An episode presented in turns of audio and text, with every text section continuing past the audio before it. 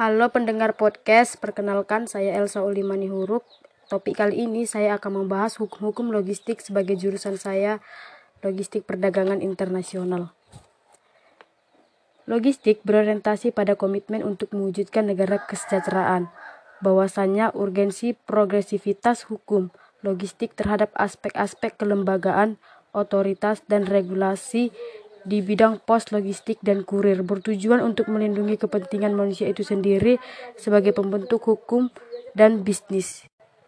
Berkaitan dengan sektor logistik internasional pada saat ini, saya akan membahas pentingnya hukum regulasi logistik, yaitu undang-undang berkaitan dengan sektor logistik di bidang transportasi. Yang pertama pelayaran Undang-Undang Nomor 17 Tahun 2008 Pasal 148 ayat B bahwa pelay pelayaran yang terdiri atas angkutan di perairan, ke pelabuhan, keselamatan dan keamanan pelayaran dan perlindungan lingkungan maritim merupakan bagian dari sistem transportasi yang efektif dan efisien serta membantu terciptanya pola distribusi nasional yang mantap dan dinamis. Ini bertujuan untuk membantu pekerja logistik sebagai sarana dan prasarana pelayaran mendistribusikan barang dan jasa keluar dengan sarana pelayaran yang dijaga dan dilindungi oleh negara, sehingga barang dan jasa yang didistribusikan logistik melalui perairan pelayaran dapat sampai ke tangan konsumen dengan aman. Ini juga mencegah terjadinya contoh perdagangan narkoba dan perdagangan wanita.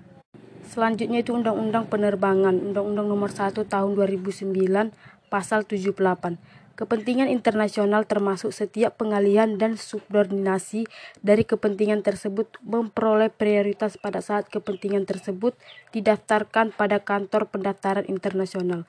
Sebagai entrepreneur logistik internasional, pasal ini sangat membantu mendistribusikan barang dan jasa ke luar negeri, bertujuan untuk dilindungi dan dikoordinator negara agar dikoordinasi ke negara konsumen berguna untuk kelancaran dan distribusi antar negara.